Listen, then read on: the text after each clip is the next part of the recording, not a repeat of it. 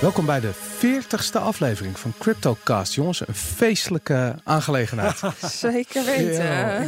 The morning after the night before. Absoluut. Deze legendarische 15 november 2018 nemen we dit op. Uh, deze aflevering wordt mede mogelijk gemaakt door bitmymoney.com, bitonic.nl en satos.nl. Ik zit hier met Madelon Vos, Herbert Blankenstein. Morning. En onze gast voor vandaag, niemand minder dan Paul Buitink. En aan de microfoon Oh ja, ik ben, van mijn naam is Boris van de Vent. Ik, ik ging net zeggen Paul Buiting. Hij is crypto-pionier. Hij is een van de allereerste uh, crypto-mediamakers, denk ik in ieder geval. Had je het allereerste crypto-YouTube-kanaal. Uh, ja, de week van Bitcoin. Absoluut. Je bent verantwoordelijk geweest voor evenementen zoals Reinvent Money, die wat volle zalen trok. Um, je, bent, uh, je hebt aan de basis gestaan voor de eerste depositobank van Nederland. Maar belangrijker dan dat alles, jij bent er verantwoordelijk voor dat ik ooit begonnen ben met Bitcoin. Nou, dat vind ik een hele grote eer. Ja, nee, ik ook. Ik vind het super tof dat je hier in de, in de uitzending bent. Uh, we gaan het vandaag uh, hebben over al die uh, onderwerpen. We gaan het hebben over Bitcoin, over crypto, de crypto scene, vroeger versus nu. Want voor mensen die het niet weten, jij hebt gewoon nog biertjes zitten drinken met Vitalik toen hij 18 jaar oud was en geen cent te makken had. En dat, mm. Ja, dat is fantastisch natuurlijk. En Space Cake. En Space Cake, kijk, daar gaan we. nou, dat, uh, geweldig. Goed, uh, laten we uh, beginnen met de prijsanalyse van Madelon. Dat is anders dan anders, maar oh, dat ja. komt omdat we gisteravond een duikvlucht maakten naar beneden. Er is zo ontzettend veel aan de hand. En ik denk dat we aan de hand van de prijs heel eventjes het actuele nieuws moeten bespreken. Madelon zit ook uit de ogen te kijken van ja. waar moet ik beginnen? Ja. ja. wat gebeurde er gisteren, Madelon? We hebben het nou inmiddels al zo vaak besproken. Die descending triangle, die driehoek die maar niet wilde uitbreken. Die een aantal keer naar boven probeerde uit te breken. En uiteindelijk uh, was gisteren het moment daar. En braken we neerwaarts uit.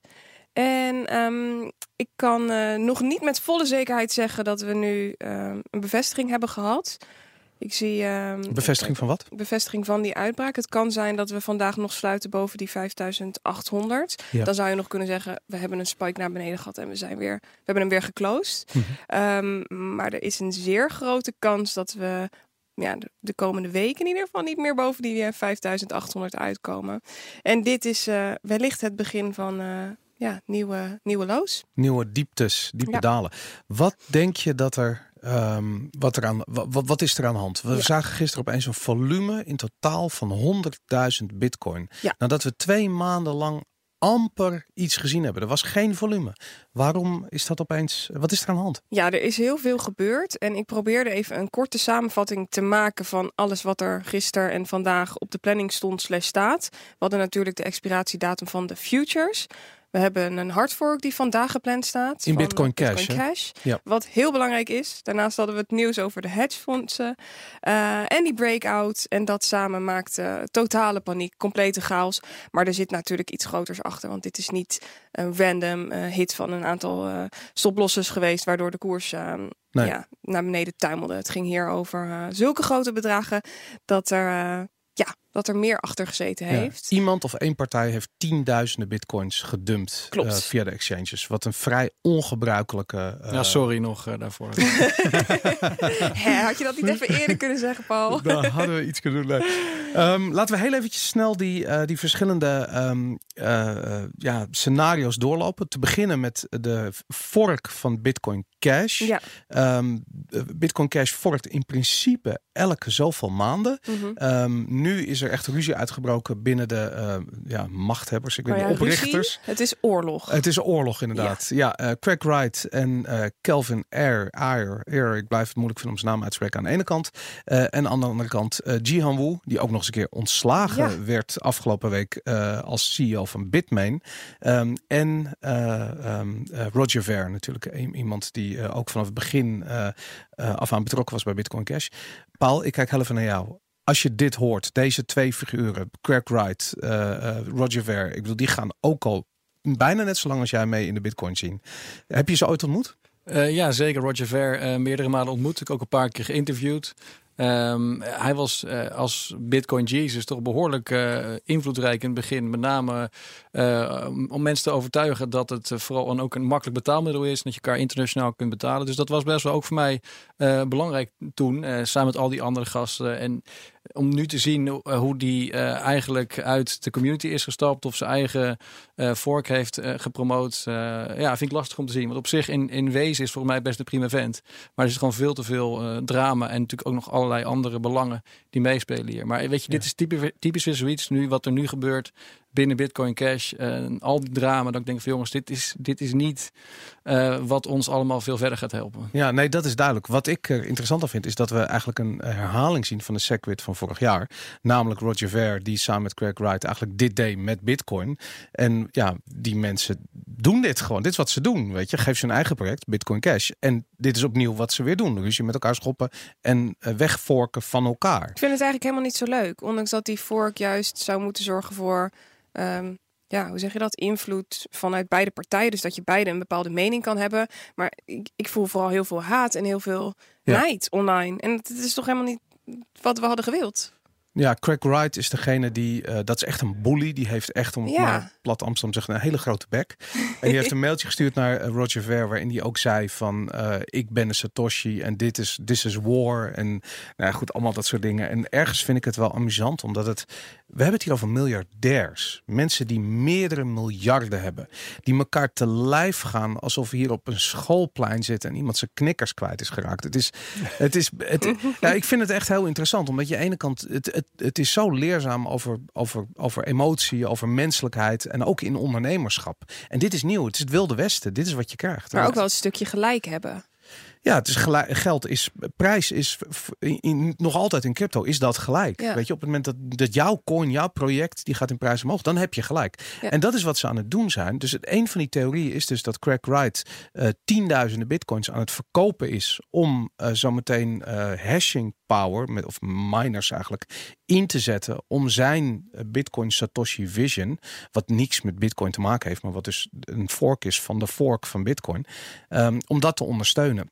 Wat verwacht jij dat er straks gebeurt? Uh, in prijs bedoel je? Of, of in die, ik denk dat, dat uh, Bitcoin Satoshi's Vision van Craig Wright ja. uh, de grootste gaat zijn. Omdat op een of andere manier hij het voor elkaar heeft gekregen om zich om de bitcoiners aan zijn kant. Dus de originele bitcoiners. Dus de, de, de mensen die eigenlijk voor gezorgd hebben dat Segwit geactiveerd werd. En dat juist deze mensen eruit gingen. Mm -hmm. Hij heeft toch de goodwill gehad. En ik weet niet waarom die bitcoin en die bitcoin cash community nog zo aan elkaar gelinkt zijn. Maar blijkbaar is dat toch nog wel aan de hand. En nog even terug naar Jihan Wu, want die is dus ontslagen. Heb jij daar mening over? Ja, dat is, bij? dat is heel belangrijk. Want hij heeft natuurlijk het geld van Bitmain, wat een van de grootste miners ter wereld is, die nu op het punt staan om een IPO te gaan uitvoeren ja. aan de Hong Kong Stock Exchange, um, opgezadeld met 70.000, minimaal 70.000 Bitcoin cash, die voor 2000 dollar per stuk op de balans staan. Wat krankzinnig is, want het gaat waarschijnlijk nooit meer de 500 dollar uh, te boven straks. Maar Anyway, uh, zij hebben uh, ontzettend veel, um, uh, hoe noem je dat, in de melk te brokken om die hash, hashing power gaat. Mm -hmm. Als zij stoppen met bitcoin te minen en bitcoin cash te gaan minen, dan, of tenminste bitcoin ABC, dus de fork van Roger Ver en, en ja, dan, dan is dat echt een belangrijke speler. Aan de andere kant, dat is waarschijnlijk de reden waarom die nu op non-actief, of non-actief, hij heeft in ieder geval ze geen uitvoerende macht meer bij Bitmain, omdat ze zoiets hebben van we gaan geen verlies leiden op jouw privéoorlogje. Maar goed, dit is echt speculatie. Uh, hoeveel aandelen heeft hij dan nog, uh, percentueel? Hij heeft 20% van de aandelen van Bitmain, ja. Hm. En maar, daar, ja. Uh, Boris, jij denkt, hoorde ik jou nou net zeggen, dat jij denkt dat uh, Bitcoin Satoshi Vision, dat, dus de fork van de fork, dat die groter wordt dan Bitcoin? Ja, nee, sorry, Bitcoin, uh, dus Bitcoin Satoshi Vision wordt groter dan Bitcoin ABC. Oké. Okay. En ABC is dus de, de fork van dat Roger Ver. Ja. Dus ik denk dat Wright gaat winnen in hashing power en uiteindelijk goed. in prijs van. Maar we, we dat, is, dat is een, een oorlog op een of ander bijgebied Ja, behalve dat deze mensen ontzettend veel bitcoin hebben. Nog tienduizenden bitcoin. En we hebben natuurlijk dat Op gegeven moment zijn ze toch uitgemanipuleerd.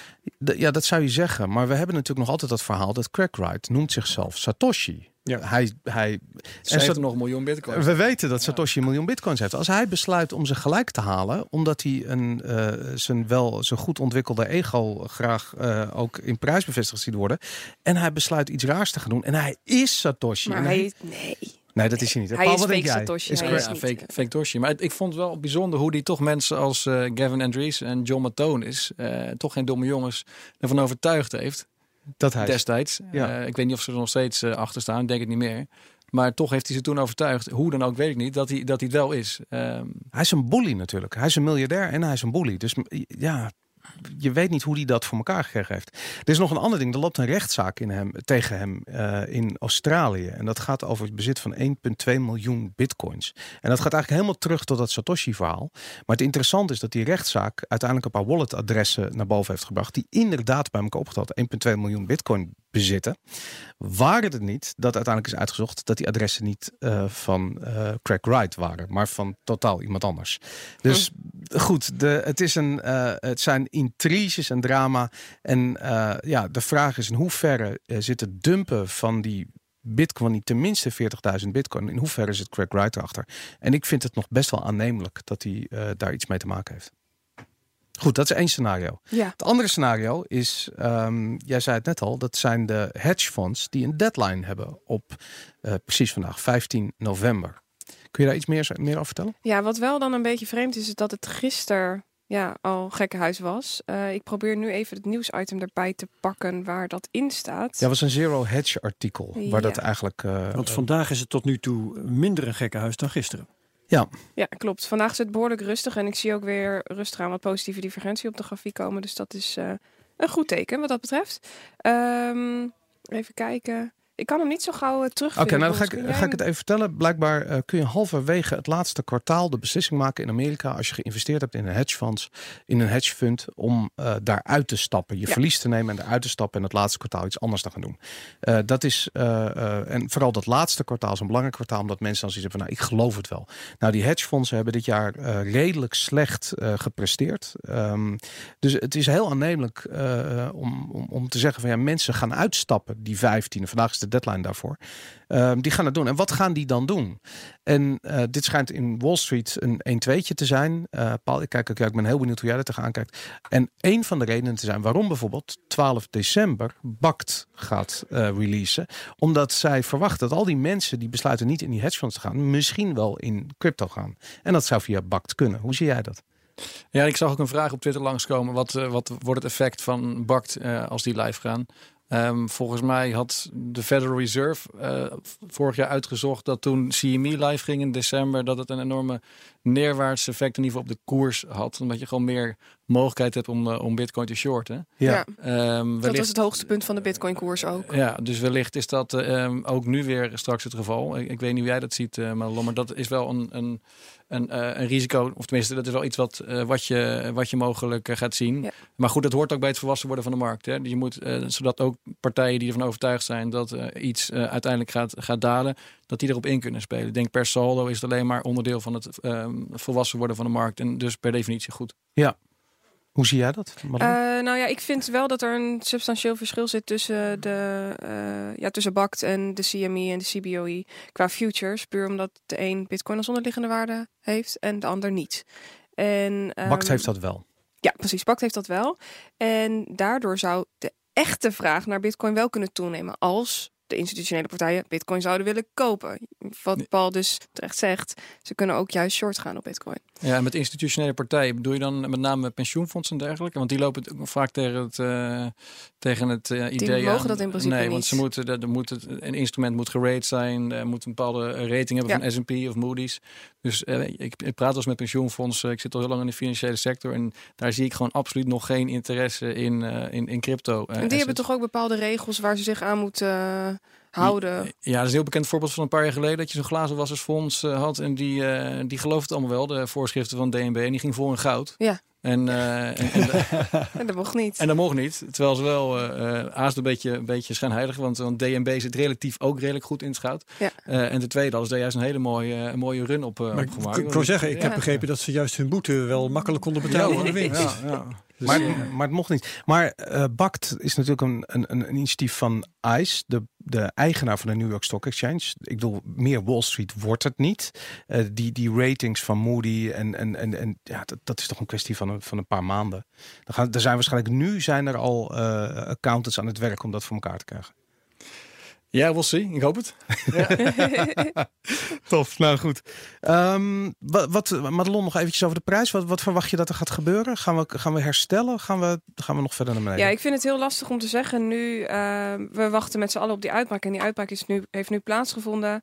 Um, voor nu zie ik dus op de 1 uursgrafiek, wat ik net zei, een klein beetje positieve divergentie. Dus we zouden een kleine tik omhoog kunnen krijgen tot maximaal 5600. Um, maar heel veel meer kan ik er nu niet over zeggen. We moeten echt even vandaag afwachten. Omdat we ja, moeten kijken of uh, die uitbraak echt uh, confirmed wordt, om het zo maar te zeggen. Ja, goed. Nou, dan gaan we door naar het nieuws. Ja. Herbert, zou jij willen beginnen? Ja, dat wil ik. Uh, mijn nieuws uh, grijpt terug naar vorige week. Want vorige week hadden we hier Mark van der Scheijs. En die heeft onder andere verteld over Hut 8 Mining. Zijn bedrijf, ja. Zijn bedrijf. En die kwamen uh, onlangs, volgens mij een paar dagen later, kwamen ze met hun jaarverslag. Ik moet even kijken, want ik heb dat volgens mij een beetje... Um, Volgens mij ging het om, het was een kwartaalverslag. Het een kwartaal. In elk geval, dat kwam uit op 8,7 miljoen dollar verlies. Als ik me het bedrag goed herinner. Um, ik geloof dat niettemin de koers een beetje steeg. Nou is dat allemaal niet zo vreselijk belangrijk. Maar uh, toen dacht ik van ja, laat ik eens eventjes wat beter gaan kijken. En zeker gisteren dacht ik van hoe, hoe, hoe is het daar eigenlijk mee? Hè? Want als de bitcoin in elkaar sodemietert, hoe zit het dan met Hut 8 Mining? Nou, Hut 8 Mining staat op dit moment op een haartje na op zijn laagste koers ooit. Oké. Okay. Min 10 procent. Min 10 procent. De laagste koers ooit was geloof ik in uh, juni of juli of daaromtrent. Toen het allemaal ook niet zo geweldig ging. Wat ook heel interessant is, daar hebben we het vorige week helemaal niet met Mark over gehad. Maar Hut Eet heeft ook geweldige klappen gehad. Want die staan ook meer dan 90% in de min vergeleken met het hoogtepunt. Wow. Ja, omdat je natuurlijk ook meedoet in de bitcoin die Hut Eet Mining heeft gemined natuurlijk. Zeker, maar de bitcoin die staat op, uh, nou, op dit moment uh, op een minnetje van een procent of 75 denk ik. Maar mm -hmm. even, ja, nog niet eens, Iets, nog niet eens. Ja, die komt in de Want buurt. het was Ja. Bijna 20 was het. En het is nu nog steeds meer dan 5. Hè? Dus je praat over uh, nog iets meer dan 70 procent verlies. En het eet, uh, had een koers van 36 en heeft nu een koers van 2,52 dollar.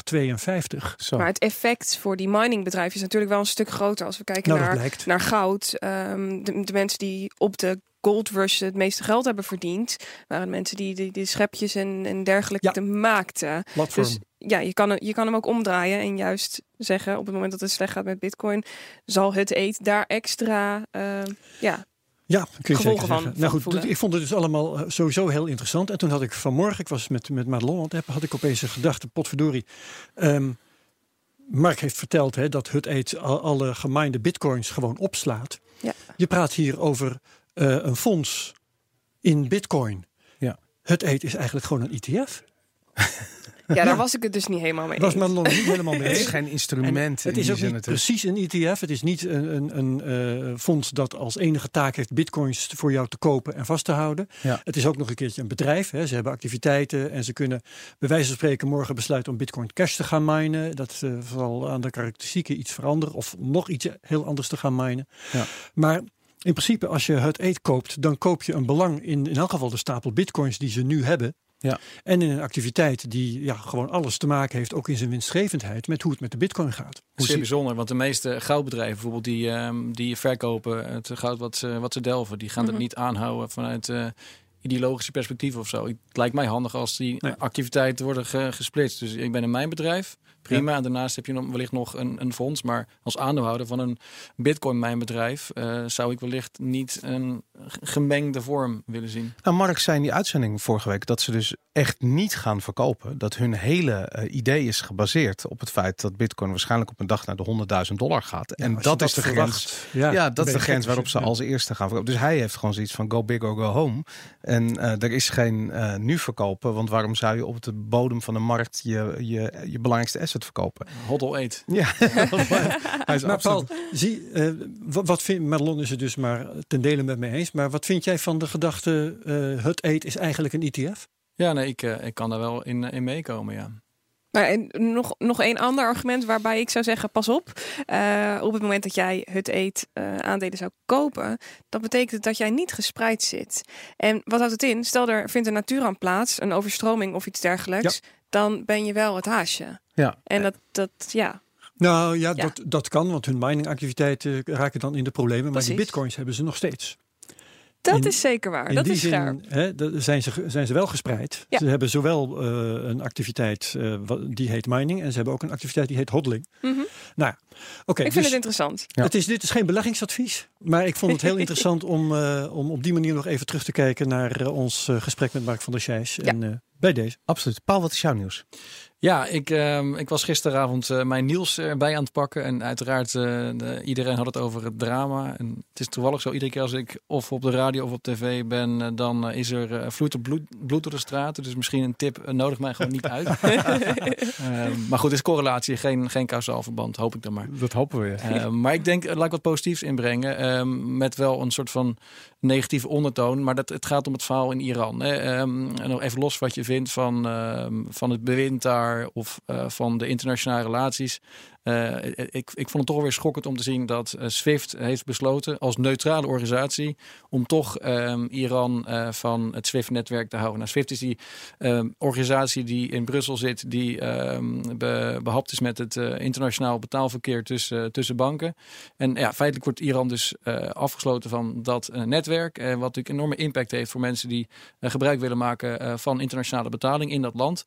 En dat eh, is nogmaals, en het, wat dat betreft wordt het wel een, een, een herhalend verhaal. Maar dit is weer typisch uh, de trigger voor mij om weer nogmaals het, het hele, hele idee van decentrale eh, apolitieke currencies te omarmen. En dus iedere keer als dit gebeurt, of nou Cyprus, Griekenland, whatever, iedere keer is het weer voor mij een reminder. Oh ja, dit is waarom ik het zo interessant vind. Dit is waarom ik er nog steeds mee bezig ben. Ja, hey, en de reactie van Iran is: we moeten zelf een eigen cryptocurrency gaan, gaan creëren. Ja, dan kun je gelijk een streep erin trekken. Dat is, ja, dat is dus Venezuela dat is een, een, een staatscrypto, dus wat gewoon een paradox. Uh, het ja, gebekt door de, de eh, eigen valuta. Met andere woorden, gewoon een eh, Ja, een- nee, het is gewoon weer fiat geld, maar dan met een, Ja. eh, met een marketingsausje eroverheen. Eh, dus daar heb ik helemaal niks mee. Dat is leuk dat ze het erin zetten, maar eh, het hele idee van decentraal geld is nou juist vooral dat een overheid het niet controleert. Anders kun je net zo goed je eigen centrale database aanhouden en iedereen eh, af en toe een muntje geven. Weet je wat ik heel erg hoop? Dat zij gewoon Ripple gaan gebruiken voor internationale transacties. Waarom hoop je dat? Boris. Dat hoop ik nou heel weer? erg.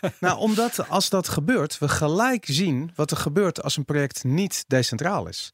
Eh, Iran doet dit natuurlijk, eh, of SWIFT doet dit onder druk van de Amerikaanse overheid, die Ja. natuurlijk de sancties heeft opgelegd aan Iran. Eh, het is aan Amerikaanse bedrijven, net als eh, sommige Europese bedrijven, niet toegestaan om nog eh, zaken te doen met Iran. Dus stel je voor dat Iran besluit om Ripple te gebruiken. Dat kunnen ze gewoon eenzijdig eh, besluiten om dat te doen. En ze maken bij wijze van spreken een paar honderd miljoen over naar China. Eh, en op dat ogenblik is Ripple, het bedrijf achter Ripple, gewoon eh, de sancties van de Verenigde Staten aan het breken. Ehm, en ontstaat een hele interessante situatie. Dat we namelijk in de praktijk gezien wat er gebeurt op het moment dat, een, dat er gewoon iemand de bak in kan worden gegooid. Omdat hij eigenlijk verantwoordelijk is voor wat er gebeurt op de chain die hij zelf beheert. Nou, volgens mij is het zo. Ik heb al een tijdje niet meer naar Ripple gekeken, maar heeft Ripple Labs eh, toch een final say eh, over wie als validator of als, of als node toegevoegd kan worden. Ja, de Dus- validator wel. Maar, Ja. maar het, zij zeggen van ja, maar de transacties op het netwerk zijn gegarandeerd. En die zijn onafhankelijk en daar gaat niemand aan zitten. En ik ben gewoon benieuwd hoe hard ze dat, dat, kunnen maken. testcase zijn. Ja, dus eh, ja, ik, ik Hoop dat... je vrienden in Teheran bellen om, eh, om daarover te sparren. Ja, ik zal even naar Teheran bellen zo meteen. ik hoop dat ze luisteren, inderdaad. Mooi. Ehm, even kijken. Madelon, wat is jouw nieuws? Ja, ik had een, uh, een, nieuwtje die wel aansluit op het nieuwtje van Paul. En het gaat namelijk over uh, Christine Lagarde. En uh, zij is de topvrouw van het Monetair, Internationaal Monetair Fonds, het IMF. En zij deed een interessante uitspraak. Christine heeft vaker uitspraken gedaan over cryptocurrencies. En um, voornamelijk negatief. En ditmaal gaf zij aan dat zij vindt dat centrale banken cryptocurrencies in overweging zouden moeten nemen. En hierbij doelt ze dus niet op een internationale crypto. Daar is ze fel op tegen. Want dat zou, uh, nou ja, het komt erop neer dat de macht dan uh, bij de dollar weggetrokken wordt. En um, zij roept dus nu centrale banken op om uh, echt te gaan kijken naar het gebruik van cryptocurrencies in het algemeen. En ze noemt daarbij de testcases in Zweden en in Canada. Ik ben heel erg benieuwd hoe jij hier naar kijkt. Ja, dit is een onderwerp wat me inderdaad nou aan het hart ligt. Uh, ja. daar, daar, valt heel veel over te zeggen wat je net uh, hebt gezegd. Het is inderdaad een interessant bericht. Ik las het ook. Uh, Zweden allereerst. daar is de Riksbank gaat volgend jaar een pilot starten om gewoon digitaal geld uit te geven. Um, zoals je weet hebben we nu geen digitaal centrale bankgeld dat wij kunnen gebruiken. We hebben natuurlijk alleen maar uh, de muntjes en de biljetten die worden uitgegeven door de centrale bank. Ja. En dan de commerciële banken die kunnen wel gebruik maken van een settlement systeem en die houden reserves aan bij, bij centrale banken. Dus het is interessant om te zien dat ze in Riks, dat ze in, uh, in Zweden dat, dat gaan proberen. Uh, ik heb een tijdje in Ecuador gewoond waar ze het ook geprobeerd hebben. Daar is het valikant uh, mislukt. Want daar Hoe hebben is het mislukt? Nou, werd, werd niet gebruikt. Omdat de mensen daar, uh, dat is wel grappig, als je daar dan weer een tijdje woont, dan krijg je een ander perspectief. Daar hebben de mensen absoluut geen vertrouwen in de overheid en veel meer in de banken. Dus daar, daar hebben de mensen liever dat de banken het gewoon regelen en niet de overheid. Want er is zoveel corruptie geweest. En ook de hyperinflatie van hun eigen munt in de jaren 90, of eind jaren 90. En mijn schoonfamilie, die, die ineens toch ook 40% van de spaargeld overnight kwijt raakte door Um, uh, door mismanagement. Overigens uh, toen wel weer van de banken. Dus het is een beetje een, een rommeltje daar. Maar hoe dan ook, de, toen met Korea, de president, die vertrouwt absoluut niet dat toe. Dus mensen gingen er gewoon geen gebruik van maken. En dus toen, toen flopte het jammerlijk. Uh, maar goed, in Zweden kan het anders zijn. Mm -hmm. um, dus dat is, uh, ja, dat, dat ze dat wil. Maar dat noemt ze een crypto-valuta. maar dat is eigenlijk gewoon een, een misnomer. Ja. dat zijn gewoon Ja. centrale bank currencies. En ik vind, zo, ik, zeker ook vanuit mijn rol als als uh, um, voorzitter van de Stichting Reserve, waar we zo nog meer over praten. Um, wij zijn bezig met een depositenbank. Ik denk dat het goed is um, dat uh, de overheid daar wel mee gaat experimenteren. Dat lijkt me geen kwaad kunnen. Ja. Zij doelt hier voornamelijk op het gebruik van cryptocurrencies om veiligheid te garanderen en om transacties goedkoper te maken. Dus niet zozeer om decentrale economie op te zetten um, of een betaalmiddel op te zetten, maar puur veiliger, goedkoper Ja, transacties. Maar eigenlijk zegt ze dan van om SWIFT te beconcurreren. Dat soort diensten, dat soort internationale betaaldiensten. Ja, Swift heeft ook al instant payments, hè? En dat wordt wel eens vergeten. Maar Swift is er ook weer enorm uh, uh, op, uh, op gegroeid. En gisteren was er een bankencongres in Nederland. We hebben nu ook instant payments in Nederland gaan we krijgen straks. Dat je, als je van ABN AMRO naar ING ook binnen vijf seconden. Ja. Ja. Dus heel veel van dat soort eerste argumenten van Bitcoin. Toen ik er net in instartte, die narrative van ja, met internationaal betalen moet je vijf dagen wachten. En ook in Nederland heb je een badge van iedere dag. Al dat soort argumenten zijn niet meer zo heel erg relevant. Omdat ook in het fiat systeem er constant innovatie is. en, en ook leidt tot snellere betalingen. Ook onder druk van de crypto-innovatie. Exact, ja. Dit wat dat betreft gewoon een accelerator. Um, crypto liet zien eigenlijk van, joh, uh, het is toch gek. Dat, uh, geld is informatie en informatie dient te vloeien. Ja. Uh, en, en kan instant. Dus waarom uh, werkt het, uh, het bankensysteem nog op zo'n ouderwetse manier? Dus het heeft zeker wel geleid, denk ik, tot versnelling. Maar als je, dan, als je dat ziet en als je dan hoort van een centrale bank gaat de cryptocurrency uitgeven. Die, die, die techniek achter die cryptocurrency, daarvan heb ik zoiets van ja, dat is eigenlijk niet zo belangrijk. Dat hele blockchain verhaal, het is een database. Ja. De euro is toch in feite al gewoon voor 95% een digitale valuta. Ja, Um, klopt. En je ziet in Nederland uh, is het aantal pinbetalingen nu groter dan het aantal cashbetalingen. En in Zweden is het al bijna helemaal uh, uitgestorven. Daar, maakt, daar maken ze zichzelf zorgen over het feit dat er gewoon te weinig cashbetalingen Ja. zijn. ja. En um, ja, Lagarde, die, ik denk dat Lagarde zich niet zozeer zorgen maakt over uh, de-dollarization. Ik denk dat Lagarde juist uh, uh, prettig vindt uh, uit haar uh, als, als hoofd van IMF dat we richting een soort van SDR-achtige situatie gaan. Rabobank die schreef er ook nog over van de week dat ze. En ook Goldman Sachs laatst. Dus ik denk steeds meer partijen zijn het erover eens dat de macht van de dollar zou waarschijnlijk wat, uh, wat gaan afnemen. Daar moet iets voor in de plaats komen. Ja. Uh, Boris hoopt natuurlijk op bitcoin. um, maar maar de, de, de, er is wel een soort van steeds meer consensus van nou, het zal een soort van uh, basket worden, een mandje van, van currencies. Ik hoop trouwens ook op bitcoin hoor, by the way. Maar met verschillende grote currencies die dan onderliggend zijn. En wellicht dat goud daar misschien ook wel een rol in gaat spelen. Ja. Maar dat is, um, ja, dat is een beetje denk ik de kant waar we geopolitiek gezien naartoe gaan. Ik vind het heel interessant, want ik denk dat je dan op een gegeven moment een situatie krijgt dat je dus niet meer de ING of de Rabobank app op je telefoon hebt, maar dan gewoon de ECB app, waarin je ECB coins kunt uitgeven of in je wallet of weet ik veel wat. En dat je, dat je dus eigenlijk gewoon geen lokale banken meer nodig hebt. Want dat is natuurlijk wat crypto wel doet. Het maakt alles efficiënter. Dus ook de distributie van geld wordt efficiënter. Daar heb je geen lokale banken meer voor nodig straks. Nou ja, ik denk door, door PSD 2, de nieuwe wetgeving in, in Europa, dat je gewoon vooral heel veel handige apps uh, krijgt die uh, voor jou en namens jou je geld beheren. Dus uh, wat ik bijvoorbeeld verwacht dat, dat we binnenkort gaan krijgen, is gewoon een, een app die voor jou rekeningen opent bij alle banken in de Europese, in de EMU. En die dan gewoon altijd voor jou vol automatisch het geld pompt naar de rekening waar je het mee sparen, sparen rente krijgt. En dat, dat soort dingen is straks een PSD 2 gewoon mogelijk. Dus banken worden dan puur databases en je hebt een paar handige apps die voor jou eigenlijk constant als een robot geld beheren. Uh, geld beheren. is interessant. Nice. Dus als iemand dat wil bouwen, ga je gang. Uh... Het is echt een heel goed idee. Ik, ga, ik ben heel even weg. Ik kom zo weer terug.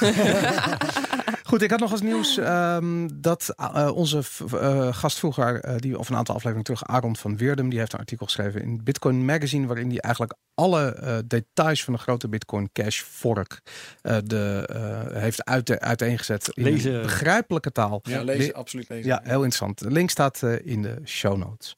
Goed, we gaan weer beleggen. Ons beleggingsspel, wat nu weer heel interessant geworden is. Herbert, wil jij beginnen?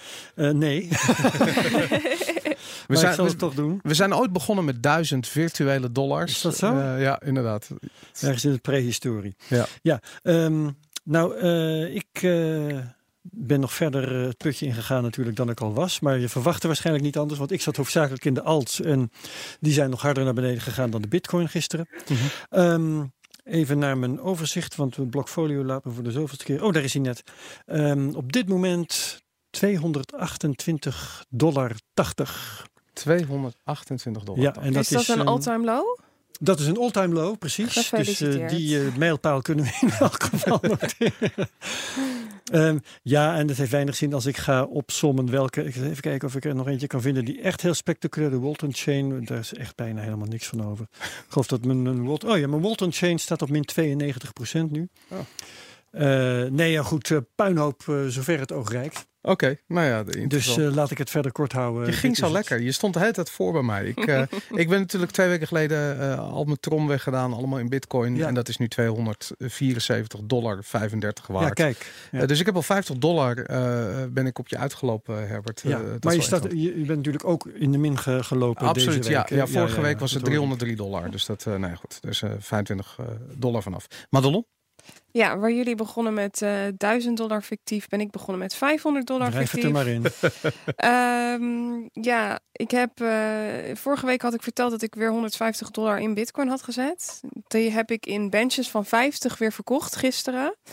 Um, dus ik heb nu in Bitcoin nog, even kijken, 132 dollar en 661 dollar in dollars. Dus ik heb in totaal uh, 794 dollar ten opzichte van 832 dollar vorige week. Dus ik ben er iets op achteruit gegaan. En ja, het is nu even afwachten wanneer ik terug ga kopen. Die positieve divergentie ja. die laat me wel, uh, ja, die, die, die, maakt het wel, uh, wel interessant. Dus wellicht dat ik heel langzaam in benches uh, strakjes begin met terugkopen. Dit is overigens geen beleggingsadvies. Heel nee. duidelijk. Ja, daar doen we niet aan. Nee. Nooit. Goed. Uh, het 100 dollar in de week. Uh, en jij, wacht even. Oh ja, je hebt uh, ja, ja, precies 100 nee. dollar in de week. Oh. Ja. Precies. Ja. Um, nou ja, uh, natuurlijk, uh, mijn bitcoin tegoed is, is meegekelderd gisteren. Maar ik heb uh, nog nooit zoveel bitcoin voor mijn 100 dollar gekregen. Dus ja. er is altijd weer dat lichtpuntje. Um, en ik ben ook nooit zoveel ingelopen op het scenario wat nou als ik alles in één keer in bitcoin had gegooid? Ja. Want als de prijzen nog even op dit niveau blijven, dan ga ik over twee weken zeggen dat ik nu eindelijk voor lig op, op, dat, op die strategie. Okay. En dat is natuurlijk wel grappig om uh, ja. te uh, constateren. En dan kan ik nog wat anders vertellen. Want ik heb uh, eerder al uh, laten weten dat ik ging experimenteren met trading bots. Ja. En dat is wel heel grappig. Ik, uh, ik heb er twee actief. Ja. Eén handelt in het paar dollar bitcoin. Ja. En die is gisteren gaan kopen. Ja. Heeft gisteren twee keer gekocht. Wat ik uh, zelf nooit gedurfd zou hebben. Dus mm -hmm. het staat allemaal wel in de min. Maar er is in elk geval op een laag prijsniveau is gekocht. Dat vind ik wel grappig om vast te stellen. Er, was, er, er waren nog dollars voorradig van het beetje geld dat ik beschikbaar had gesteld. Dus uh, dat is leuk om, om te constateren. En de andere tradingbot die handelt in Bitcoin versus Cardano en Bitcoin versus Stellar Lumen. En daar gaat het wat minder goed mee, want die had blijkbaar uh, toch nog wat uh, te goeden in die alts. Ja. Die dus harder zijn gedaald dan de bitcoin. Dus die staat op dit moment uh, ongeveer op het beginniveau waarmee ik ooit ben begonnen. Okay. Terwijl die net een beetje winst had gemaakt. Dus zo, zo zie je van tradingbots, zowel de een als de andere kant op dit moment. Ja. In het experiment dat ik aan het doen ben. Ik ben heel sceptisch over tradingbots. Maar goed, ik, vind dat we een hele aflevering aan moeten wijden. Je hebt ook eh, gezegd, eh, dat weet ik heel goed, eh, als de koersen structureel dalen heb je er niks aan. Als de koersen structureel stijgen heb je er ook niks Nee. aan. Ja, maar dit ging wel met veel, eh, gepaard met veel volatiliteit. En dat is waar Ja. tradingbots het vaak op doen. Ik had het gedacht dat ze het beter zouden doen op, op dit punt. Maar goed. Ja, maar volatiliteit, eh, de grenzen bij deze tradingbots die liggen in de buurt van de, nou, tussen de 1 en 3 procent uit mijn hoofd gezegd. Oké, ja, en dat ja. betekent dat eh, een volatiliteit binnen die marge, daar doet hij niks mee. Risicorendement, ja. Ja. Ja, dus dan, je hebt wat dat betreft de volatiliteit op iets grotere schaal nodig. Mhm. Ja, goed. Mooi, we zijn op de helft gekomen. Paul Buitink, Nederlands crypto-pionier. Je hebt ook aan de basis gestaan van de Nederlandse eh, depositobank. Eh, en ik weet dat ik jou sprak toen je echt vol vuur zei van... en nu gaan we echt iets veranderen in Nederland. En toen kwam je keihard in aanvaring met de Nederlandse bank. Kun je ons nog vertellen wat de doelstelling was van de eh, depositobank... en wat er vervolgens gebeurde? Ja, ik eh, ben eh, dus al enige tijd bezig om gewoon te kijken naar wat voor dingen we kunnen veranderen in het, eh, in het monetaire systeem. En Ja. dat, eh, ik heb een tijdje bij een, een goudbedrijf gewerkt wat een digitaal eh, privaat goudsysteem probeerde op te zetten en wat ook functioneert, gold money. Daardoor werd ik getriggerd van oké, je blijkbaar heel veel is er mogelijk op, eh, op geldgebied. Toen ben ik me echt gaan verdiepen, al, al jarenlang. Eh, zo kwam ik ook bij bitcoin uit en, en dat soort eh, currencies. Maar uiteindelijk heeft het ook in, in contact gebracht met Richard van der Linden. Die las een artikel van mij op Follow the Money, dat ik, waarin ik pleitte voor, voor echt een markt voor geld feitelijk. Dat we echt met elkaar kunnen innoveren en nieuwe dingen kunnen bedenken. En hij was getriggerd. Hij zegt, joh, ik heb wel een idee hoe we binnen het euro-systeem ook wat kunnen doen. Als we nou, eh, eh, hij constateerde en ik, en ik met hem van, joh, cashgebruik neemt af eh, in Nederland. Ehm, zijn- maar banken eh, eh, is dan het alternatief. Je betaalt of via cash of via je bank. Maar wat je tussen, tussen banken, dat zijn gewoon vorderingen op bankbalansen. Waarom is het niet zoiets als digitaal, eh, digitaal eurocash? Dus eigenlijk gewoon echt een eh, eh, centrale bankgeld, maar dan digitaal. Hij zegt, daar kunnen we misschien iets voor bedenken door een, eh, een, een bank op te richten die al het geld één op één aanhoudt eh, bij de centrale bank. En dat ook gewoon verankerd in statuten. En, en dan hoef je eigenlijk ook niet mee te doen met het depositogarantstelsel. Want ja, waarom zou je dat nog doen? Je- Er is geen kredietrisico meer. Zo kwamen we op het idee van een eh, kredietrisico-arme of kredietrisicovrije bank. Die noemden we de depositobank. Want daarin, eh, die, die, naam ging al snel rond zingen in Den Haag tijdens debatten. Dus dat hebben we fijn geadopteerd. En eh, daar zijn we een crowdfunding eh, voor gestart in 2015. Eh, we zijn eh, gaan zitten bij Rockstart, een eh, incubator. Die gaf ons wat ruimte om, eh, om, om te pioneren daar. En we hadden heel snel heel veel support voor het idee. Eh, en uiteindelijk eh, is het eh, gesneuveld op basis van, van wetgeving. Nou, het althans gesneuveld. Het is nu gepauzeerd. Er vindt nog steeds onderzoek plaats. Daar zal ik zo wat meer over vertellen. Eh, maar eh, Dijsselbloem, eh, de minister van Financiën toen, die, die gaf, gaf aan dat onder onze voorwaarden, want wij wilden toegang tot Target 2, dus we wilden voorwaardige bank zijn. Mhm. We wilden geen kredieten uitzetten, want we wilden alles gewoon bewaren bij de, bij de centrale bank. Dus absoluut ook geen andere dingen doen, geen obligaties kopen, niks. Puur als reserves aanhouden bij de centrale bank. En we wilden dus niet meedoen met het depositogarantstelsel. Onder die voorwaarden konden wij niet een vergunning krijgen. En er was ook geen bereidheid of wens om dat te, bespreken in Frankfurt bij, eh, bij ECB. Of, Ehm, en ja, dus, dus toen liepen we vast. En wij wilden het ook doen op basis van non-profit. Het zou gewoon echt een stichting worden waar- waarbij je, geld eh, netjes eh, zou worden bewaard bij ECB. Met, met ook betaalpas, alles erop en eraan. En wat was het argument van de Nederlandse bank? Eh, nou, dat wettelijk dus niet. Het werd een hele wettelijke juridische discussie. eh, ehm, eh, heel technisch ook. Eh, dat gaat nu te ver hier. Maar feitelijk onder die voorwaarden zoals wij dat wilden, kon het niet. Dus hebben wij gezegd, nou prima, dan gaan we de wet veranderen. Ja. En, toen, eh, en toen kwam het, het bekende, eh, en dat, dat is ook binnen monetair hervormend Nederland een, een, een bekend moment. Toen werd gezegd, ook op basis van een debat over eh, het ons geld referendum, eh, tenminste de, Ja. de Mhm. petitie, die ken je ook wel. Van, ja, weet je wat, we moeten eigenlijk de WRR, de Wetenschappelijke Raad voor Regeringsbeleid, dus moeten we een rapport laten schrijven over, over de inrichting van ons, eh, van ons monetaire systeem. En daarin zouden dan allerlei opties langskomen, waaronder ook ehm, de depositobank. Nou, dat werd begin 2016, maart 2016 werd dat gevraagd aan WR van nou, ga er maar aan beginnen. Nou, we zijn inmiddels bijna, nou, we ruim 2,5 jaar verder en dat rapport is nog steeds niet. Iedere keer is het uitgeschoven. Het laatste bericht wat ik uh, van de week uh, kreeg en ook bevestigd door de Stichting Ons Geld, waar we veel mee, mee opschieten. Dat is van George van Hout, toch? Niet? ja, George van Hout, Martijn van der Linden. Ehm, dat het begin volgend jaar dan toch eindelijk komt. En ja, dan ben ik erg benieuwd wat daarin staat. Ik, ik, ben, ik ben een beetje bang dat er heel veel vertraging is, doordat er allerlei politieke sausjes overheen moeten worden gegooid. Maar ik hoop dat daar gewoon heel erg duidelijk over wordt gesproken. Over van wat is geld? Wat zijn de opties om je, om je eurosysteem in te richten? maar wat is wellicht een alternatief als het mis met de euro? Wat is de rol van crypto? Ik hoop echt dat het zo'n rapport wordt. Maar waarschijnlijk ben ik te optimistisch of te, te naïef. Maar we gaan in ieder geval zien wat de rol mogelijk van een depositobank zou kunnen zijn. En aan de hand van dat rapport kunnen we weer opnieuw het politieke gevecht aan gaan. We hebben veel politieke vrienden. Ja. Uh, er is nog steeds heel veel uh, um, uh, ja, wens in de maatschappij om toch ja, iets te hebben als wat, wat, wat cash gaat vervangen, zonder dat je afhankelijk bent van een uh, commerciële bank. Maar die depositobank zou dus, als u even om het helder te krijgen, weinig anders zijn dan een digitale kluis. Je kunt er geld inleggen en uh, ja, je krijgt ook rente. rente. Nee, nee kijk, dat is dan dat is een. Maar wat is dan het selling point? Waarom zou ik daar mijn geld liever uh, neerleggen dan bij een andere bank? Nou ja, er zijn een aantal, aantal dingen nog. Allereerst qua rente. er is nu een, een min 0,4 negatieve depositorente voor banken voor een excess reserves. Dus alle reserves die ze te veel aanhouden, daar betalen ze geld over. Dat probleem met uh, Bunk bijvoorbeeld. Want, want Bunk houdt ook veel aan bij de centrale bank. Maar ja, die moet dan uh, moet daar uh, rente over betalen. en normaal ontvang je rente, maar ze moeten rente betalen. ons, onze voorwaarde zou ook zijn dat, we dat, dat je niet een, een, negatieve rente hebt. Want dan wordt het helemaal een lastig businessmodel.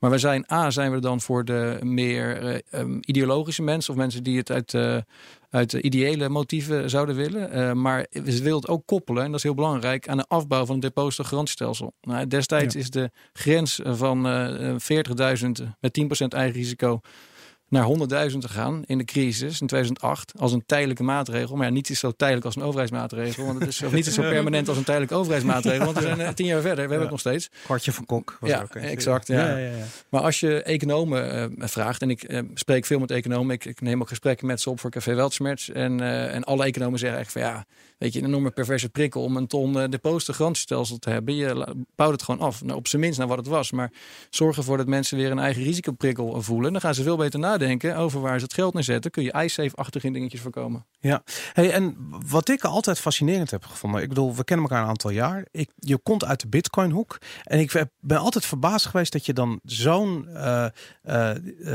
ja, zo'n initiatief eigenlijk dat, dat je regelrecht dat bankensysteem ingaat om dat te doen. Terwijl wat je aan het doen bent eigenlijk lijkt op wat stablecoins nu aan het doen zijn.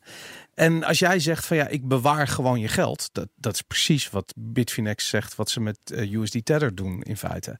Uh, hoe... wij zouden wel een order toestaan, dus dat is wel een groot verschil. Ja, en dat doe jij dan op het instand houden van het systeem? Nou, gewoon het bewaren van euro's. En dat je, dat, dat je op een of andere manier een technische oplossing verzint voor, het, voor de transactie van de euro's naar mensen toe. Um, en als je dat vanuit de banken wil doen, ja, dat is natuurlijk lastig. Dat is een en al dichtgeroeste uh, uh, ja, denken uit 1950. Huilen met de vijand. Nee, maar dit, nou, is, juist, dit is juist een, een, een interessante hack. Dit is een relatief eenvoudige manier om toch digital euro cash uh, te realiseren. En ik hou van experimenten. Ik, ik, ben, ik zit al zo lang in dat, uh, in dat wereldje dat ik, uh, en misschien is het ook wel de, de, mijn, mijn persoon, dat ik ik, ik kan niet heel erg goed tegen al die tribal warfare. En als ik dat ook zie in die cryptocurrency. Het, ik ben, het geeft mij een naar gevoel dat constante gevecht. Ik zoek juist in. Uh, ik geloof heel erg in de nuance. Ik ben veel genuanceerder geworden naarmate ik ouder ben, uh, ben geworden. Ik was echt uh, in, in de crisistijd een anarchist. Ik had blikvoer in de kelder en goud en bitcoin bewijs van. Maar ik ben nu veel meer aan het kijken van, joh, wat, wat kunnen we nou, uh, kunnen we bepaalde dingen bewaren van het bestaande systeem? Kunnen we, uh, kunnen we dingen parallel opzetten? Um, net als bij mijn depositobank zeg ik, zeiden we tegen Dijsselbloem, ik begrijp dat je zo'n rapport aanvraagt, uh, dat je een soort van academische borging wil hebben, maar ga tegelijkertijd ook gewoon experimenteren. Ja. Want het idee was dan, ja, macro-prudentieel is het gevaarlijk als je zo'n depositobank hebt, want bij een crisis trekt het al het geld aan. Nou, zet er dan een cap op en doe gewoon maximaal een paar duizend euro per, per burger.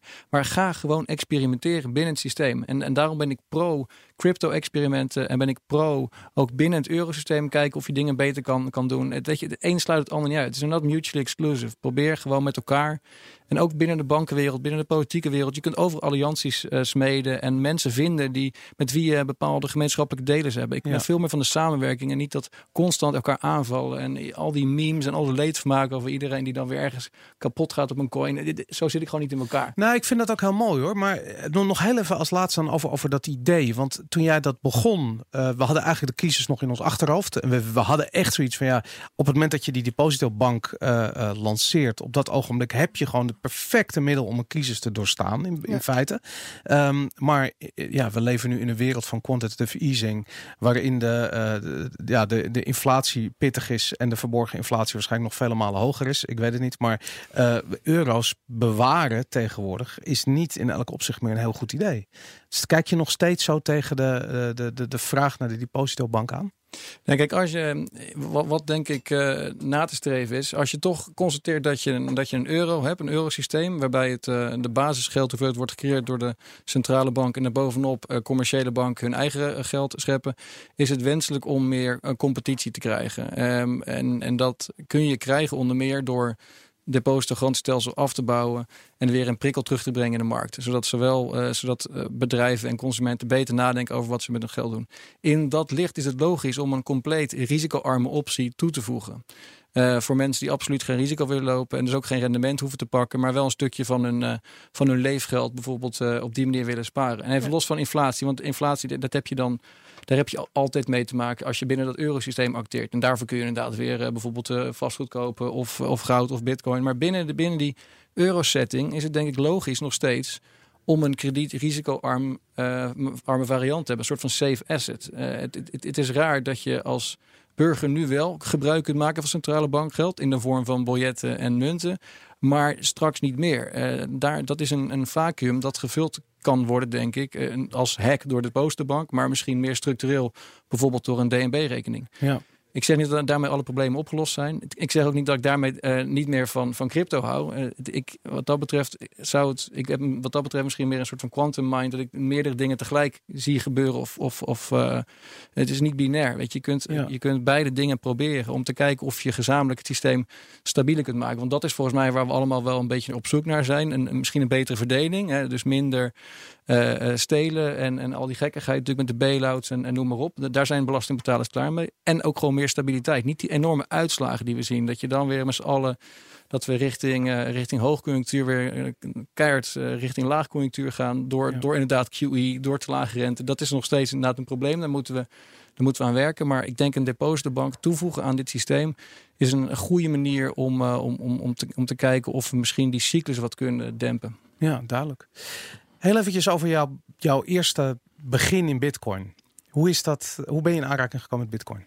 Ja, ik, uh, ik heb Bitcoin um, in 2011 of eind 2010 voor het eerst uh, langs uh, zien komen. Ik, was, ik, ik werkte in 2010 voor Gold Money, dus dat bedrijf wat in, in Canada toevallig aan de beurs genoteerd is en wat al, al lang daarvoor bestond. Het is een bedrijf opgericht door James en Jeff Turk, die Um, uh, op basis van hun uh, economische voorkeuren, zoals Hayek en dergelijke, geloofde dat geld eigenlijk ook een vrije markt goed is. En dat de markt moet bepalen wat uh, de beste vorm van geld is.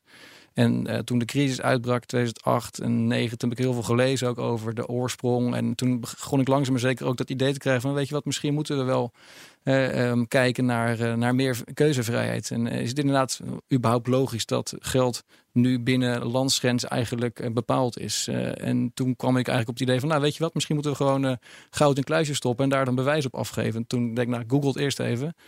en ik stond al. Dus, dus ik gelijk het bedrijf bellen. Ik zeg, joh, voor mij is het, ik, ik wil gewoon voor jullie werken. En uh, toen, uh, toen kon dat ook. Dus uh, toen ben ik uiteindelijk daar verantwoordelijk voor de marketing geworden na, na enige tijd.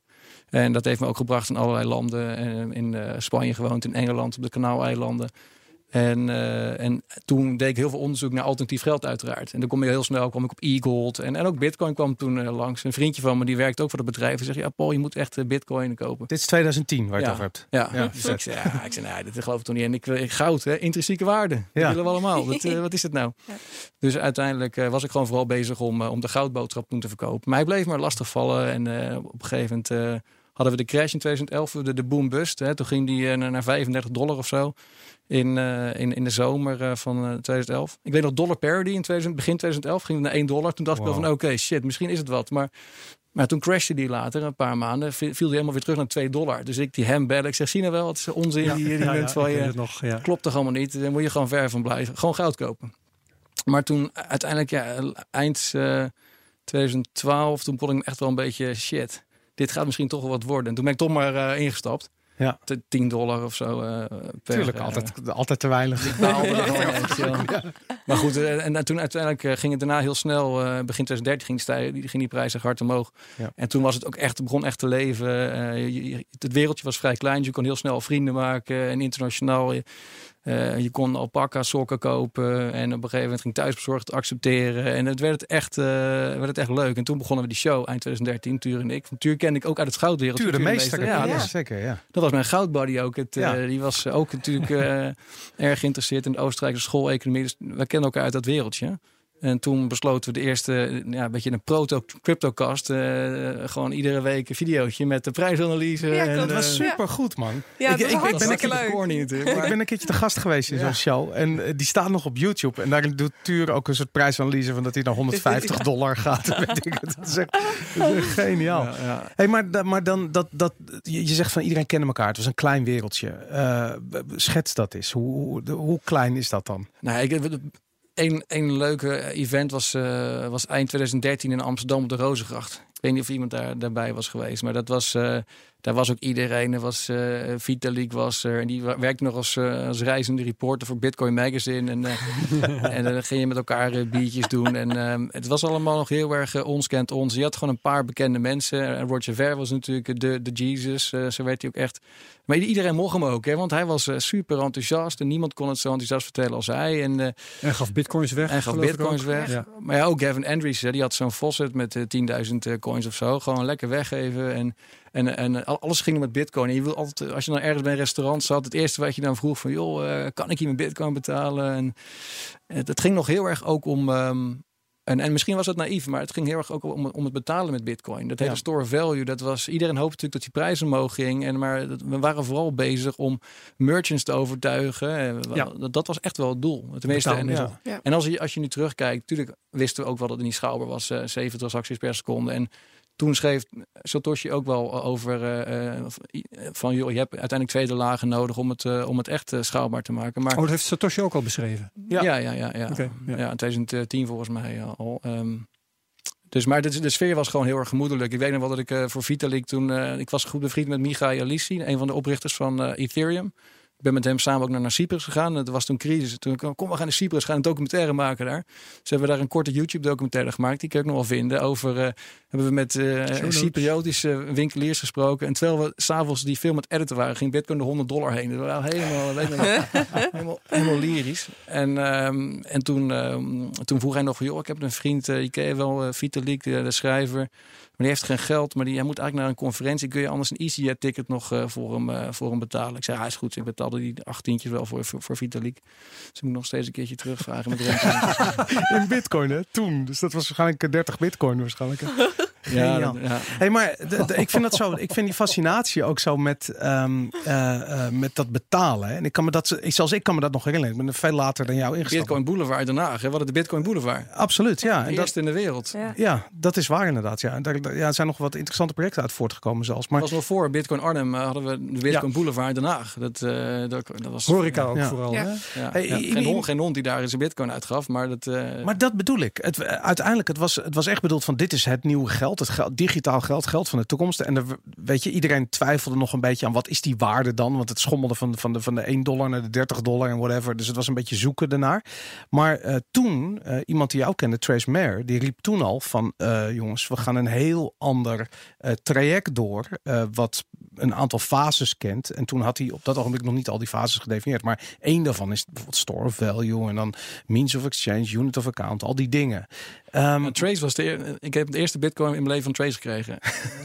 ja, ja, en die, heeft het wallet geïnstalleerd voor me. En die was ook uh, betrokken bij Gold Money. Dus iedereen kende elkaar ook een beetje uit het goudwereldje. Eric Voorhees ook. En het was, was echt een, een shift van goud naar bitcoin. Dat merkte hij ook wel. En uh, dat... Uh, maar ja, die, weet je, die, ik denk de eeuwige paradox waar Bitcoin in zit, is enerzijds heb je behoefte aan stabiliteit. Want als de koers stabiel is, dan kun je merchants overtuigen dat ze het gaan gebruiken voor, voor, als means of payment. Ja. Maar tegelijkertijd trek je eigenlijk alleen maar weer nieuwe mensen aan als je een nieuwe bullrun start. Dus dat is een beetje die, hip, die hyper-Bitcoinization heb je eigenlijk nodig om nieuwe users uh, aan te trekken. Ja. Maar je hebt stabiliteit nodig om merchants aan te trekken. Ja.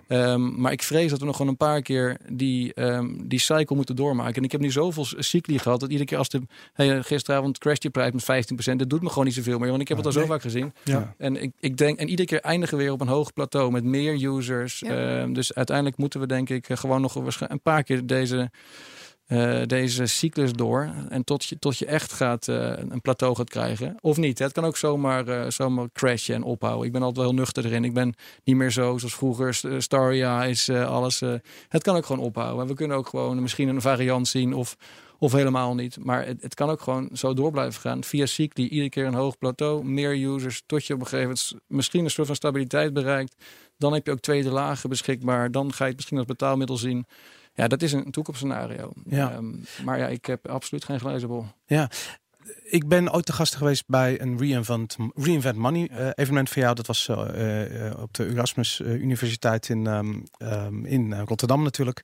En er stond in de hal, voordat je binnenkwam, stonden, stond, stonden twee tafels, een klein steentje. Ze hadden één banner en dat was voor Ethereum. En ik weet dat ze deelden ook Ethereum uit. Ik weet dat Ethereum op dat ogenblik misschien 2 dollar waard was. Nog niet eens zoiets. En ik weet nog dat ik er naar kijk en ik had echt zoiets van, wat is er nou? ja, waar gaat dit over? Maar het Gemiste kansen. Ja, nou, maar dat is crypto, weet je. Als, als, als, als, als. Maar goed, in ieder geval, als ik erop terugkijk, realiseer ik me dat toen in der tijd er een veel opener sfeer hing als het ging om andere projecten dan alleen maar Bitcoin. Hoe kijk, want je geeft al aan van je hebt moeite met dat, met dat tribal, met die tribal warfare die er is uitgebroken in die crypto community. Hoe, hoe zie je dat vroeger versus nu? nu? Ja, dat, kijk, toen, uh, ik, ik, denk dat het wel een hoogtepunt was, uh, de Reinvent Money 2015, uh, waar we hadden sprekers, Max Keizer en Stacey Herbert waren er. En Andreas Max Antonopoulos, ik sta nog met hem op de ja, foto daar. Ja. En, en, Max Keizer ging altijd nog een rant op het podium met zijn gele broek aan. Het kwam nog op RT en het ging helemaal viraal. En Andreas was er en ook Joris Luijendijk en Willem Middelkoop. En de, de, Nederlandse bank was er. En, en natuurlijk allemaal van die early adapters. Het was gewoon lachen, dat, dat event. Ja. Um, maar ja, het was inderdaad heel, heel gemoedelijk en, en, vriendelijk. En het is allemaal veel, uh, veel harder geworden. Maar ja, de hele samenleving is ook aan het verharden. Ik, uh, het klinkt allemaal heel soft, maar ik, weet je, ik vind het... Als ik al die drama's zie, ik, um, ik, ben het, ik, ik vind wel, we moeten hard zijn natuurlijk naar alle scams toe. En, en alle, uh, de, de bitconnects van deze wereld en paycoins. Daar moet je met z'n allen keihard tegen optreden. Maar weet je, onder die coins, weet je, gun elkaar ook een beetje het, de ruimte om, om, om, te, om te pielen en te ontwikkelen. Ja, de, echt dat technische aspect van die coins uitbreiden. Maar die, ja. die, die uh, oorlogen onderling, die hebben toch meer te maken met de persoonlijkheden die zich daarmee bemoeien, dan dat dat op een of andere manier met crypto zelf verbonden zou zijn? Nou zijn ja, er meer het is, oorlogen het is tussen elkaar, mensen dan of, tussen uh, coins? Nou, Ja, dat, is nu wat je voor de bühne ziet. Maar als je bijvoorbeeld kijkt naar de crypto, eh, de Bitcoin Cash Community. Eh, als je die tegenkomt op een bepaald event, die, die, die zijn het niet met je eens. En dat gaat dan Mhm. echt puur om de fundamentele aspecten. Niet omdat er dan toevallig iemand is die daar ook wat van vindt, die toevallig veel volgers heeft. Dus het is niet alleen een persoonlijkheids aspect Ja. wat een grote rol speelt, maar dat is wat wij zien. Ja, dat vind ik van- mooi. Dat je gewoon inhoudelijke argumenten met elkaar hebt over waarom je iets wel of niet goed vindt. Tuurlijk. maar dan die, persoonsverheerlijking en die cultus. Dat is en dat, dat, is, eh, dat, dat, dat is bijna dat religieuze wat je, Ja. wat je hebt. En Maar Ja. mensen hebben er geld in zitten natuurlijk. Ja, Dus- daarom. Dat ja. is, kijk, het, het eh, Bitcoin heeft natuurlijk, het is, eh, want dat heb ik al duizend keer vroeger ook gezegd, het is geen Ponzi, het is geen piramide, maar het heeft wel bepaalde economische consequenties die daarop lijken. Een beetje multilevel marketing. Ja. Dus als je het hebt, dan ga je vanzelf het promoten, want je wil dat die prijs omhoog gaat. En uiteraard. Op een gegeven moment ben je er wel een beetje klaar mee. Nu, ik, ik, ik heb daar allemaal geen zin meer in. Maar ik kan me voorstellen dat iemand net eh, een, altcoin gestaft heeft met eh, relatief eh, wat geld. Die gaat dan heel erg zijn best doen om dat op verjaardagsfeestjes en overal te verspreiden. Ja. En die voelt zich gewoon echt aangevallen op zijn, op zijn zijn, op zijn vermogen. Als iemand anders dan weer een, een, een, kloon daarvan aan het promoten is. Dus je krijgt, en dat is het, het geniale is dat hier, je daardoor die van die zendingsdrang krijgt en, en evangelie. Maar het nadeel is dat het ook gewoon leidt tot dit soort hele vervelende situaties binnen die communities. Maar jij voert dus de zendingsdrang direct terug op financieel belang. Daar komt het eigenlijk op neer. In sommige, en veel gevallen wel, laten we eerlijk zijn. En, en, maar in heel geval ook niet. Hè. Ik denk dat wij. ehm, eh, ik, ik- ik, ben, ik ben echt wel ge- geïnteresseerd geraakt in al deze dingen. Omdat ik de crisis analyseerde. En ik wilde gewoon voorkomen toen. Eh, want ik, ik, ik heb toen echt mensen gesproken, bankiers die, uh, die hun vrouwen thuis belden van joh, ga nu geld uit de automaat halen. En, en het was gewoon echt een heftige tijd. Het, het, is alweer tien jaar geleden, maar ik kan me nog zo goed herinneren, die dynamiek. En, maar ook de eurocrisis. Dus er is echt wel behoefte aan, aan, aan beter geld of, of betere waardesystemen. Dus, uh, en heel veel mensen hebben ook die intrinsieke motivatie om dat echt te, te begrijpen en daar te innoveren. En dat, daar, daar zou de focus moeten liggen. En, en minder op, uh, op weet je, al die koersdoelen ook. Ik zal nooit in een, uitzending zeggen, ja, we gaan naar 10.000 of zo. Dat heb ik ook met goud niet gedaan en ga ik ook nooit doen met, uh, met crypto. Ik denk dat daar ook wel een verschil in zit. Want jij zegt net heel erg leuk, die bankiers die belden hun vrouwen op en zeiden, ja, je moet geld pinnen. Ik keek laatst een documentaire terug van RTL Z. En daarin vertelden de verslaggevers dat zij eigenlijk niet op televisie mochten zeggen dat je wel naar de pinautomaat moest gaan rennen. En zelf hadden ze het allemaal gedaan. Ja. En het grappige is, ja, ja het, het grappige is, ze mogen geen paniek zaaien. Dus, dus dat kan gewoon niet gezegd worden. Hier in deze crypto community is alles qua nieuws, qua informatie. Je gooit een tweetje uit en men weet het. En er is geen uh, grotere macht. Ja, het kan ook. Het kan ook fake news zijn. Maar er is geen grotere macht die dan uiteindelijk zegt van... nou, kijk, weet je, dit kun je misschien beter niet zeggen. Het wordt nou gewoon maar, maar naar buiten geroepen. De, de, whales die, die, die stemmen natuurlijk met elkaar de tweets en de, en de acties af, hè? Ja, ja, kijk, gisteren, zal, kijk naar uh, gisteren. Precies. Dat is ja. natuurlijk een whale-actie. Ja. Maar ik vind het heel interessant dat je dat die crypto community in feite in staat het is. een andere tijd. Ja. ja. maar ze zijn in staat om. Ze zijn open naar elkaar toe, ongeacht het, het, het project waar je voor staat of waar je geïnvesteerd hebt. Wat ook in principe is er een vrij open informatieuitwisseling.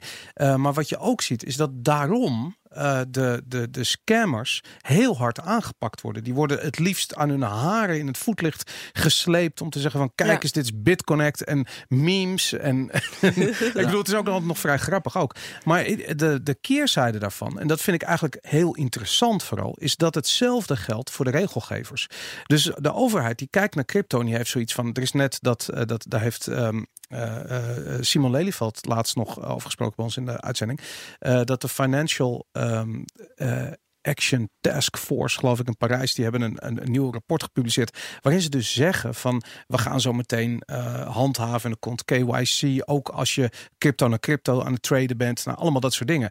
En, je, en op het moment dat ik dat zeg tegen crypto traders, die, die halen hun schouders. Er is veel succes daarmee. Want het, gaat, het is niet te controleren. Het is een kwestie van tijd voordat we atomic swaps hebben. En ja, veel succes ermee. En die, dat ja, maar zelf... de, de, macht hebben ze altijd wel om, om, uh, om bedrijven en gatekeepers uh, de plicht te geven om alleen nog maar uh, white labeled coins te accepteren. En als, als, als je op een gegeven moment echt die coins niet kunt gebruiken, omdat alle, omdat alle reguliere winkels uh, op die manier gereguleerd zijn, ja, dan dat is echt wel een, een issue in de toekomst. Ja, behalve dat ik denk dat die community met elkaar het doel heeft om vrij te zijn. Dat voel ik, dat is altijd wat het ja. mij heeft. Ja. Het heeft me aangetrokken. Daarom. Nee, ook, ja. ja, dus er zitten, er zitten zijn mensen die zijn technisch zo goed onderlegd. En voor hun, die kijken zo abstract naar die materie. Die hebben zoiets van hey, als ik hier een muur tegenkom, ongeacht wie hem heeft neergezet, dan uh, verzin ik er een weg eromheen. En dat gebeurt dus ook steeds. Dus inderdaad, op een gegeven moment heb je een heel groot probleem om nog crypto te kopen. Maar als je eenmaal in dat, in dat, in dat ecosysteem zit, dan kun je alles doen wat je wil. En dat vind ik heel erg interessant. Van waar gaat die. Waar ja, maar ze willen dat ecosysteem zullen ze ook klein mogelijk proberen te maken. Hè? Door, en door alle winkels en banken. En als KLM alleen maar uh, jouw betaling accepteert als het schone coins zijn, niet gemined uh, door die miner of niet uh, komend van die bron. Ja. Uh, succes, weet je. Uiteindelijk, dat is wel, ik zeg niet dat het daarmee kapot maakt, maar dat zal wel de use case misschien verkleinen tot, tot, tot puur store value of puur... Ja, nou ja dat, dat kan natuurlijk. Maar aan de andere kant zie je ook van op het moment dat inderdaad dat soort muren worden opgeworpen. Dat betekent ook, dat, dat zie je met, met eigenlijk alle dingen die illegaal zijn, die worden heel duur. En op het moment dat dingen heel duur zijn, dan willen mensen het hebben. En op het moment dat je het makkelijk kunt hebben zonder dat iemand erachter komt.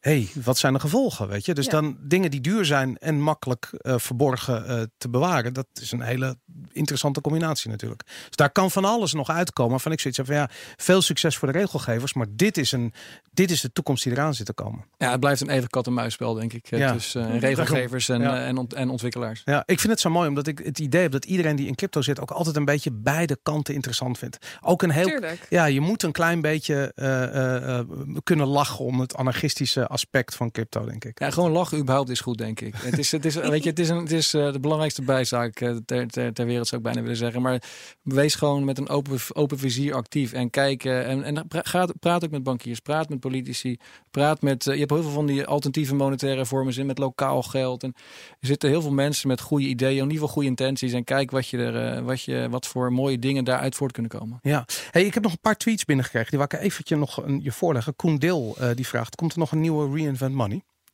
Uh, ja, Koen, goede vent, uh, was een vervent bezoeker. En uh, ja, mijn droom is om het weer een keer te doen. Maar het kost me toen zoveel tijd. En ik deed er een beetje. Ik deed vanuit Ecuador, hè. Dat was echt helemaal lastig. En toen ja. hadden we het in Nederland, maar daar moest ik het regelen. Dus het zou niet makkelijker moeten gaan. Maar als jij me helpt, Boris, dan.